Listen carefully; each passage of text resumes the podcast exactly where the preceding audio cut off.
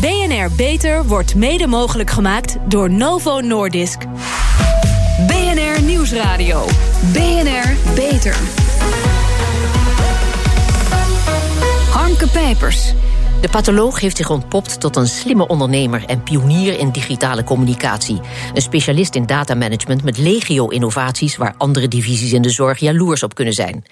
Welkom bij BNR Beter, het programma voor mensen die werken aan gezondheid. Mijn gasten vandaag Paul van Diest, hoogleraar pathologie, afdelingshoofd in het UMCU in Utrecht en bestuurslid van het Center for Personalized Cancer Treatment. En Geert Litjens, biomedisch ingenieur en onderzoeker zelflerende computers in de pathologie in het Radboud UMC in Nijmegen. En voordat we beginnen, even voor de duidelijkheid. We hebben het over de patholoog, de man, of tegenwoordig ook vaak de vrouw, die zich bezighoudt met het beoordelen van microscopische beelden. De pathologen worden nog vaak aangeduid met patholoog-anatoom. Dat doen wij niet. Patholoog-anatoom is verouderd. Anatoom kan er dus af. Het werk van de patholoog wordt vaak in verband gebracht met moordzaken. Maar moordzaken, dat is het terrein van de forensisch patholoog, die door middel van secties probeert de doodsoorzaak te achterhalen. Terwijl het in de praktijk veel vaker gaat om via weefsel- en celonderzoek de ziekte en de mogelijke behandeling vast te stellen. De patholoog gebruikt daarvoor een microscoop, maar tegenwoordig zit hij steeds meer achter de computer naar beelden te kijken. Daar komen we in deze uitzending nog op terug. We gaan praten over de innovaties in de pathologie, maar eerst een reportage op het Pathologisch Laboratorium in het Universitair Medisch Centrum Utrecht. Weten we meteen hoe het er daar echt aan toe gaat. Nou, welkom. Dit is eh, de uitzendkamer. Hier worden alle weefsels en materialen die binnenkomen, die worden hier eigenlijk verwerkt. En dat doen we met een uh, team van assistenten, pathologen en analisten. Felix, heb jij enig idee hoeveel, uh, hoeveel nummers zo ongeveer per dag uh, binnenkomen hier zo? Het verschilt per dag, afhankelijk van de drukte op de operatiekamers en de polyklinieken. Maar over het algemeen zal het tussen de 150 en de 180 nummers per dag liggen. En dan gaan we even naar het volgende stapje. Mariette, nou, zoals je ziet is zij hier nu bezig met uh, iets aan het uitsnijden. Kun je even vertellen wat het precies is in het kort? Ja, in een timus is dit, als het goed is. Um, waar een lazy in uh, zit in het uh, koudalige gedeelte. Oké, okay. nou, dat wordt dus bij de OK dus weggehaald. En hier gaan dus assistenten of pathologen gaan ze kijken hoe dit, waar de tumor zit. eventueel tumorweefsel en normaal weefsel weghalen ter vergelijking. Nou, hoe het er ook normaal uit hoort te zien als het ware. Nou, dit is dus het grote lab waar de magic happens, zeg maar. Hier wordt dus al het weefsel waar we het net over hadden, dus verwerkt in hele dunne plakjes van uh, drie muur dik. Dat is ongeveer één cellaag. Dus je ziet, zij hier een heel dun lintje aan het snijden ervan. Kun je even vertellen wat het precies is, wat je aan het snijden bent? Tuurlijk. Dit is een, uh, een huidstans. Dat wordt met een hele kleine stans wordt er een stukje huid, bijvoorbeeld uit een verdachte moedervlek, genomen. En uh, nou ja, dat verwerk ik hier tot uh, microscoop, microscopische koepels. Uh, dan gaat het in de kleurmachine, want je moet natuurlijk wel een kleurtje hebben in je cellen. En je, en je kernen en je cytoplasma, anders dan zie je niet zoveel. En dan komen we weer bij het volgende stapje. En dat is mijn collega Nicole. Die is bezig met de, met de logistieke kant van het verhaal. Kun je misschien even kort vertellen wat, hier, wat er zo belangrijk is in deze stap? Nou, als de preparaten uit de HE-machine komt, dan controleer ik die samen met het blokje om te controleren dat het weefsel klopt met het blokje. Daarna controleer ik of alles is correct. Ik scan ze in het systeem, ik boek ze uit en daarna gaan ze door naar de scanner. Dus mijn controle is echt of alles klopt. En dan gaan we nu naar uh, het scangedeelte. Dit is dus uh, een stap die sinds een paar jaar is toegevoegd aan ons hele proces. Uh, dat was een, best een operatie. Want je kunt je voorstellen dat dus normaal alle koepers direct bij de patholoog werden afgeleverd om meteen op glas te kijken. En nu komt er dus een extra stap bij. En dat is het digitaliseren van al, ons, al onze koepers die wij krijgen hier. Um, daar hebben wij dus koeperscanners voor en een uh, programma die ervoor zorgt dat je die beelden kan opvragen. En dat zijn beelden van 1 tot 4 gigabyte per stuk. Dus dat zijn echt gigantische datastromen. Uh, nou, alle koepers worden dus digitaal ingescand. En dat is dus eigenlijk heel erg belangrijk voor de toekomst. Want je wil eigenlijk dat artsen met een paar muisklikken van de ene kant van Nederland naar de andere kant van Nederland, dat ze gewoon kunnen chatten met elkaar en naar hetzelfde celbeeld kunnen kijken. En dat kun je dus met, met twee pathologen doen of dat kun je met tien pathologen doen. Dus hoe meer uh, koppen er bij elkaar gestoken worden, hoe beter een diagnose je kunt stellen voor de patiënt. U hoorde Ronnie Appeldoorn, analist en coördinator digitale pathologie aan het eh, UMC Utrecht in een bijdrage van BNR-verslaggever Hugo Reitsma. Ja, in de reportage wordt gepraat over nummers die dagelijks op de pathologie worden verwerkt. En dan gaat het in enkele gevallen om materiaal van patiënten die soms nog op de OK liggen, waarbij de chirurg voor hij verder kan opereren wacht op de uitslag die hem zekerheid moet geven of hij voldoende tumorweefsel heeft weggesneden. Maar er is iets fundamenteel veranderd nu en dan heb ik het over Pathology Image Exchange, ofwel PI. Meneer Van Diest, dat is nieuw. Vertel, wat is het? PAI is het uh, landelijke platform waarbij we binnen de pathologie digitale beelden van weefselkoepels met elkaar kunnen uitwisselen van het ene naar het andere laboratorium. Dat is een heel mooi nieuw project waar we als eerste in de wereld in Nederland toe in staat uh, zijn geweest. En dat betekent dat elkaar consulteren moeilijke gevallen veel sneller gaat dan voorheen.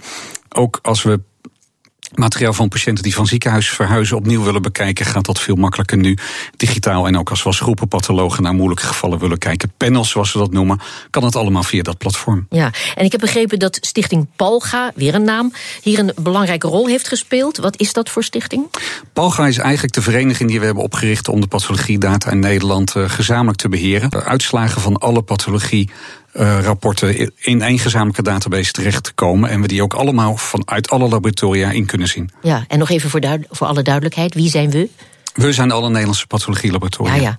Er zijn nu drie pathologielaboratoria die volledig digitaal werken. Er zijn ongeveer 50 labs in Nederland. Dus een eenvoudig rekensommetje leert dat zo'n 47 labs hun koeps, koepus, hè, moeten we zeggen, desgevraagd ja. nog met de post naar een collega-patholoog uh, sturen. Dat klinkt ouderwets met SCH. Dat is het ook, hè? Maar wat, wat levert uh, zo'n volledig digitale workflow op? Nou, het is, het is inderdaad ouderwets. Daar willen we ook vanaf. Er was vanaf het begin in de beroepsgroepen heel veel enthousiasme om dit uh, te doen. Uh -huh. En dat heeft er ook toe geleid uh, dat we het voor elkaar hebben gekregen om het geld bij elkaar te krijgen. Om het als eerste in de wereld te realiseren. drie laboratoria zijn digitaal. Die doen het dus ook al voor een gedeelte. Het is maar net in de lucht nog. Dus we ja. gaan dat vanaf nu steeds meer doen. En er is binnen het andere laboratoria heel veel belangstelling om ook aan te sluiten. Om voor wat ik al zei, elkaar consulteren. Het opnieuw bekijken van weefsels. En met groepen pathologen dat nu digitaal te gaan doen in plaats van over de post. Ja. Dan wel in de file staan om met een grote groep pathologen naar één grote microscoop te komen rijden. Ja, zeg maar, het, het levert dus meer snelheid op, meer efficiëntie. Maar is het ook betrouwbaarder dan die koepels per post? Nou, het is net zo betrouwbaarder. Uh, maar daardoor dat het veel sneller gaat en we daardoor ook veel laagdrempeliger dit soort dingen kunnen doen. Omdat de post meestal een termijn van twee weken met zich meebracht, gaan we het veel vaker doen. En daardoor wordt eigenlijk veel meer gebruik gemaakt van elkaars expertise. Ja. En daardoor, dat, dat doet de kwaliteit omhoog gaan. Ja. Meneer Litjens, als alle laboratoria voor pathologie digitaal werken, gaat er een wereld aan innovaties open. Wat mogen we ons daarbij voorstellen? Kunt u een, een duidelijk voorbeeld noemen? Nou ja, wat wij afgelopen jaren hebben laten zien uh, met data van uh, drie tot vijf verschillende labs in Nederland, is dat je computeralgoritmes kan maken die uh, het eigenlijk zelf, met zelflerende computers, die eigenlijk uh, het vinden van borstkankermetastase in lymfeklieren een stuk beter kunnen doen dan uh, de patholoog met zijn reguliere microscoop. Nou, op het moment dat je data van alle labs. Want hoe werkt die patholoog met die reguliere microscoop? Die zit gewoon zelf handmatig, zou ik bijna zeggen, te tellen? Nou ja, die moet eigenlijk in een uh, groep van miljoenen cellen... moet die uh, kleine clustertjes van tumorcellen kunnen vinden. Dat zijn ja. dan de uitzaaiingen van die borstkanker. En op het moment dat je die data van al die labs hebt... kun je A, die algoritme nog veel beter maken. We hebben nu over borstkanker... maar dan kun je ook naar veel zeldzamere vormen van kanker uh, gaan kijken... op het moment dat je data van alle labs in Nederland hebt. Ja, maar als... Ja, Um, de Nederlandse Vereniging voor Kankerpatiëntenorganisaties, de NFK, die heeft de wens geuit dat behandelaars niet te lang doormodderen als ze niet achter kunnen komen welke soort kanker een patiënt heeft. Uh, meneer Van Diest, het Universitair Medisch Centrum Utrecht werkt sinds kort als het Regionaal Academisch Kankercentrum Utrecht. Ja, het wemelt van de namen en uh, afkortingen. Het RACU heb ik het nu over. Samen met het Meander Medisch Centrum in Amersfoort en met het Sint-Antonius Ziekenhuis in Nieuwegein. Aan een expertteam, het werd al even genoemd, op het gebied van zeldzame kankersoorten. Heeft of gaat het RACU een belangrijke rol spelen in het verkorten van de diagnosetijd? Nou zeker, omdat eigenlijk de hele zorgketen voor die zeldzame tumoren wordt geoptimaliseerd uh, tussen de drie ziekenhuizen. Dus dat is absoluut het geval, ja. Ja. Uh, RACU werkt dus regionaal samen. Wordt PI, Pathology Image Exchange, hierbij ook ingeschakeld? Nou, toen RACU werd opgericht was PI nog niet, want het is nog maar net in de lucht. Maar dat is uh, zeker de bedoeling. Het mooie van PI is dat de drie verschillende systemen die dus in, in Amersfoort, uh, in Nieuwegein en bij ons worden gebruikt, juist via dat platform met elkaar kunnen gaan communiceren. En dat kon voorheen dus helemaal niet. Ja, maar het gaat wel gebeuren, want je, je, zou kunnen verwachten dat digitale pathologie bij uitstek het middel is dat kan zorgen voor een snellere uitslag. Hè? Absoluut, ja. Betekent eigenlijk dat vanaf de seconde dat zo'n weefselkoep gescand is, die ook ergens anders bekeken kan worden. Ja, en, en moet dat voor meer kankersoorten uh, gelden dan alleen de zeldzame kankersoorten? Absoluut. Of, het is of gebeurt dat al? Dat gebeurt ook al en dat zal ook heel vaak gebeuren. Want ook in kankersoorten die heel vaak voorkomen, zijn er moeilijke gevallen die uh, consultatie en expertise van andere plaatsen uh, vereisen. En daar kan de Spine een hele belangrijke rol in spelen. Ja. De pathologie is ook een belangrijke factor in wat heet personalized cancer treatments, de behandelingen op maat. U werkt samen met een multidisciplinair. kom er niet meer uit zeg. U werkt samen met een multidisciplinair team in het Center for Personalized Cancer Treatment, CPCT. Dat is een biomedische weefsel- en databank. Ja, welke rol speelt de pathologie in dat geheel? Nou, het is heel belangrijk, daar waar het CPCT dus vooral gaat om welke genetische afwijkingen er in een specifieke tumor van een individuele patiënt aanwezig zijn, dat we wel weten dat het weefsel wat daarvoor wordt opgewerkt en waarin de DNA-sequenties eh, bepaald gaan worden, dat dat het juiste tumorweefsel is. En dat het ook een uitzaaiing is van die tumor waarmee de patiënt al bekend is. En in die hele keten controleren wij als pathologen of dat weefsel van goede kwaliteit is en of het het juiste weefsel is. En wat zijn de ambities van het CPCT? Samenwerking met alle Nederlandse ziekenhuizen? Klopt, ja. Het gaat natuurlijk vooral om de ziekenhuizen die kankerpatiënten behandelen. Dat zijn niet alle ziekenhuizen in Nederland. En die zijn ook ongeveer allemaal al aangesloten bij het CPCT. Dat gaat nu vooral over patiënten met uitzaaiingen van hun kanker. Uh, waarvoor eigenlijk geen reguliere behandelingen meer zijn. En binnen het CPCT wordt dan gezocht naar specifieke genetische afwijkingen.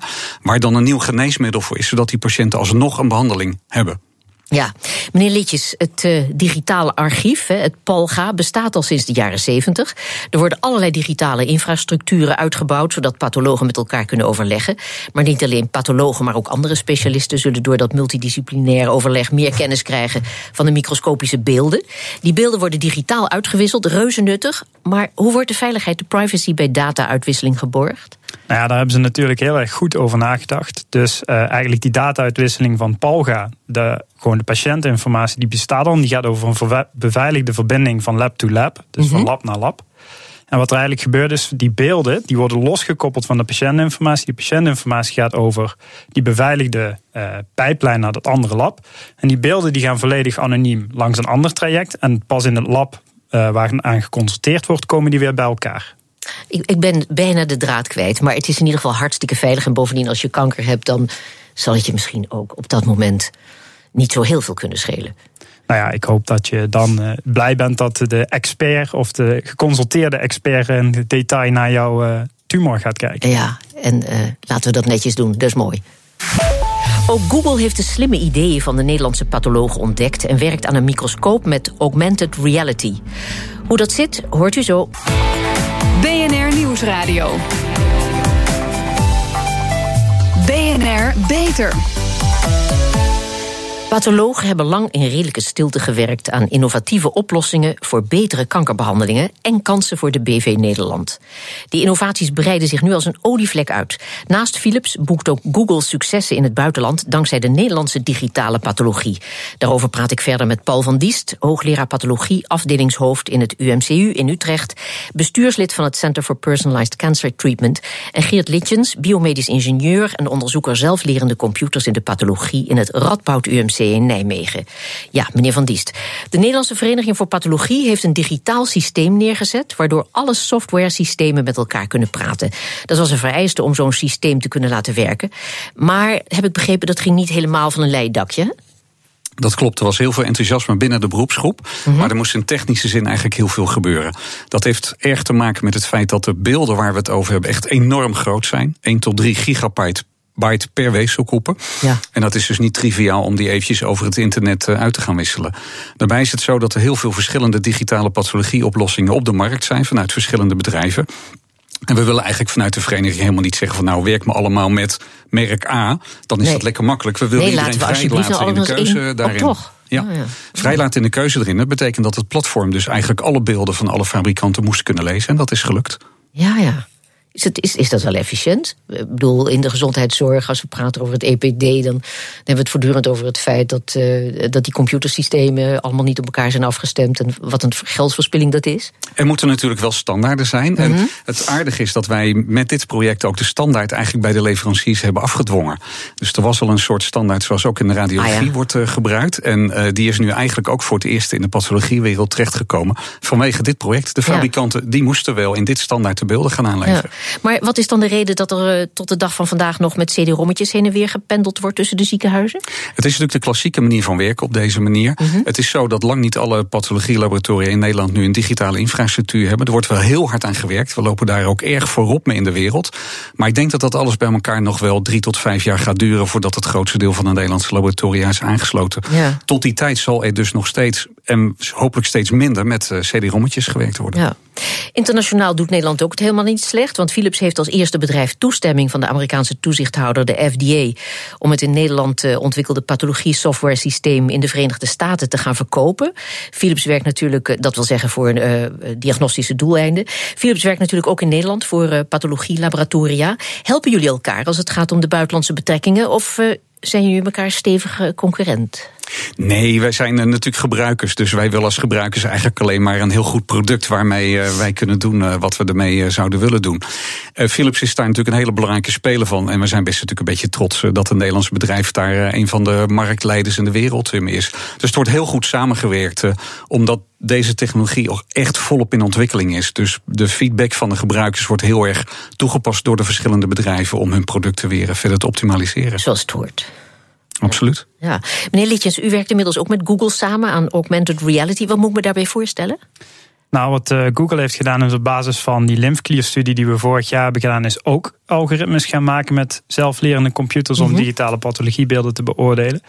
En wat zij eigenlijk willen doen is zich focussen op de werelddelen waar we niet zoveel pathologen hebben rondlopen. Um, bijvoorbeeld Afrika, uh, bepaalde delen van Azië. Ja. En wat zij willen doen is iets inbouwen in de microscoop, zodat die zelflerende computer meekijkt met diegene die daar de pathologiebeelden beoordelen, die dus wat minder expertise hebben. En hun dan helpt om wat ze dan zien goed te kunnen beoordelen. Nou, dat is natuurlijk een hele mooie ontwikkeling dat vanuit een studie die in Nederland is opgestart, zo'n groot bedrijf dat oppakt en daarmee verder gaat. Ja, digitalisering en computational pathology kunnen ervoor zorgen dat het werk van de patholoog niet alleen efficiënter wordt, maar veel preciezer. Uh, vertel. Nou ja, wat we hebben laten zien met die lymfklierenstudie is dat zelflerende computers dat beter kunnen doen dan, uh, dan de pathologen met de microscoop. Maar we kunnen nog een stapje verder gaan. We kunnen namelijk ook de diagnostiek echt verbeteren door de kwantificatie en de reproduceerbaarheid te volgen. Een voorbeeld daarvan is uh, pathologen, kan Paul van alles over vertellen, uh, moeten bij borstkankergradering bijvoorbeeld mitoses, dat zijn delende cellen, kunnen tellen en kwantificeren. En omdat dat een enorme rotklus is en veel tijd kost, kunnen ze dat maar bepaalde stukjes van de tumor doen. En als je dan een computeralgoritme hebt die dat volledig automatisch op hoog niveau kan, dan kun je die hele tumor, kun je die sneldelende cellen kwantificeren. En daarmee kun je de diagnostiek hopelijk een stukje verder brengen. Ja, meneer Van Diest, nu hebben we in Nederland een gedegen digitale infrastructuur staan. Uw ondernemersgeest is daardoor aangewakkerd. Want u denkt er ook over om diensten vanuit Nederland aan te bieden aan landen waar een tekort is aan pathologen. Hè? Dat klopt, we doen ja. dat deels ook al, maar nog op vrij kleine schaal. Ja. Maar we hebben daar natuurlijk echt veel ervaring mee met het beoordelen van digitale beelden. Dus wij zijn zeker bezig nu te kijken of we andere landen, andere centra waar een tekort aan pathologen is, kunnen ja. helpen met het doen van diagnostiek op afstand. Dat kan heel goed met deze technologie. Ja, maar is het daar nog een beetje te vroeg voor? Want het is wel een mooie markt, begrijp ik. De eerste tekenen zijn er dus. Wij werken zelf voor de Universiteit van Kopenhagen om daar eh, te helpen met bepaalde onderdelen van de diagnostiek. En we zijn volop bezig om te zoeken naar andere mogelijkheden. En ik denk dat die de komende paar jaar ook uh, steeds vaker gezien zullen gaan worden. Ja. Zeg, de rol van pathologisch onderzoek over tien jaar. Laten we het daar eens over gaan. De liquid bio biopsies, oftewel de bloedtesten om kanker aan te tonen. Gaan die het traditionele weefselonderzoek door de patholoog vervangen? Meneer Van Diest, wat nou, denkt u? ze gaan een belangrijke rol spelen, maar vervangen niet, denk ik. De basis zal altijd blijven dat wij een weefselstukje krijgen... om in ieder geval de initiële diagnose goed te kunnen stellen. Ja. En laten we duidelijk zijn, een heel groot deel van ons vak... Uh, is het vaststellen dat er geen sprake van kanker is. En dat zal altijd uh, door de microscoop of via digitale beelden van microscopische koepels blijven gebeuren. Maar uh, het opvolgen van patiënten tijdens hun ziektebeloop, dat zal inderdaad veel vaker via bloed gaan gebeuren. Waarbij we dus met die liquid biopsy, dus dat is het kijken naar DNA-afwijkingen in het bloed bij patiënten die kanker hebben, op die manier kunnen doen, zonder dat we nog weefselhapjes hoeven te nemen van bijvoorbeeld verdachte plekken in de bot of in de long of in de lever. Ja, ook veel prettiger voor de patiënt, nietwaar? Jazeker, omdat het veel minder invasief is. Ja. Meneer Litjens, hoe denkt u erover?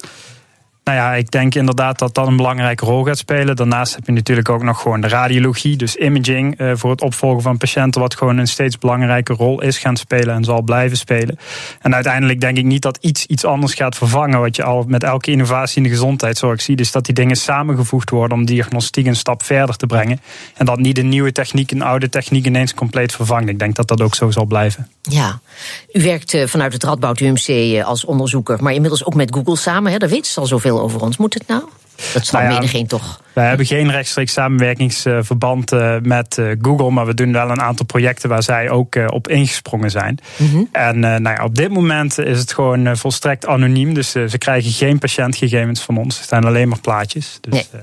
Zeg, en, en is wat, dat wat Google doet, nog, nog even, want dat zal menigeen weten. IBM, Watson for Oncology. Watson is de grote computer, de slimme computer die de dokter vaak te slim. Nou ja, het, het raakt eh, elkaar wel, want ze gebruiken mm dezelfde kunstmatige intelligentieprincipes voor beide systemen. Maar uh, wat Google probeert te doen, is eigenlijk op basis van beelden een, een uitspraak doen. Dat is een veel nauwer uh, gebied. En IBM Watson, daar is het idee van, daar wordt alle informatie van de patiënt ingestopt. En dan moet die uh, ja, die computer dan iets mee doen wat de arts zelf niet kan.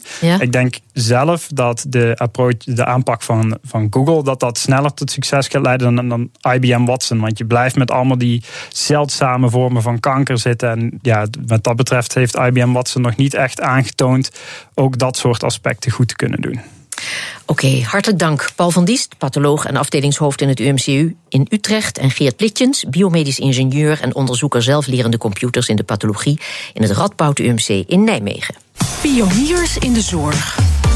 Onze zorgredactie speurt naar interessante medische innovaties binnen en buiten de muren van de universiteit. Waar werken ze aan en wat moeten wij hierover weten? Kelly Nijhoff, wortels tegen verkoudheid. Ja, dat is nou niet het eerste waar je aan denkt bij een verkoudheid. Van goh, laat ik eens een wortel gaan eten. Maar er zijn aanwijzingen dat een stofje in wortel kan helpen om verkoudheid tegen te gaan. Wordt nu onderzocht door het AMC samen met collega's van het NISO Food Research. Ze doen dat om mensen met longziekten zoals COPD sneller van een verkoudheid af te helpen. Ja, van een verkoudheidje kan voor mensen met een longaandoening gevaarlijk zijn. Ja, dat klopt. En in tegenstelling tot de meeste onderzoeken waarbij deelnemers worden gezocht die de aandoening hebben, worden in dit onderzoek deelnemers ingezet die kerngezond zijn. Ze worden geïnfecteerd met het verkoudheidsvirus en een deel van hen krijgt een voedingssupplement. Ja, een voedingssupplement in plaats van een preventieve prik. Dat is interessant. Ja, een vaccin ontwikkelen tegen het verkoudheidsvirus is volgens de onderzoekers inderdaad niet zo makkelijk. Dus ze proberen het op deze manier om het afweersysteem van het lichaam te versterken door gezonde voeding en voedingssupplementen beter te onderzoeken. Goed, moeten we nu allemaal extra wortels gaan eten? Nee, dat, uh, dat zou ik niet doen. De onderzoekers gebruiken een extract uit de wortel. En je moet wel heel veel wortels eten, wil je dat effect krijgen. We luisteren even naar de onderzoeker van de longafdeling in het AMC in, het, uh, in Amsterdam, René Wat voor ons ook wel verder belangrijk is, is we zijn een academisch centrum, dus dat we ook proberen inzicht te krijgen van wat, wat zien we eigenlijk bij gezonden. Het is, het is een vrij uniek model wat we hebben, waarbij we mensen dus aan dat, virus blootstellen. En je kunt dus uh, heel goed gaan kijken in de tijd van uh, hoe reageren mensen. Wat zijn de verschillen onderling tussen gezonde individuen. En dat leert ons ook weer heel veel hoe we naar straks de astma-data moeten kijken. Ja, ze zijn nog steeds op zoek naar gezonde deelnemers. Kunnen zich aanmelden via link to trial, link2trials.com.